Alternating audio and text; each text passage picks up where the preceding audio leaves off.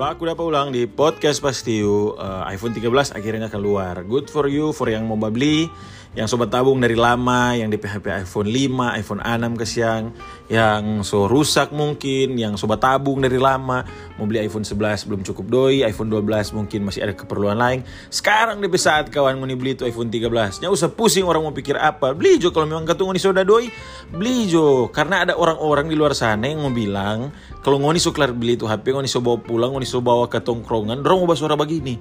Ya lebih baik nggak beli Samsung, sama kok DP kegunaan, lebih murah begini-begini. Ya lebih baik nggak beli Xiaomi, tahu-tahu nggak boleh berhemat bagi-bagi bagi-bagi. Ya kalau kita jadi nggak tanya mau beli ini, ya ngoni petai dengan ngoni pesoe dengan ngoni, bukan ngoni pedoi kuat.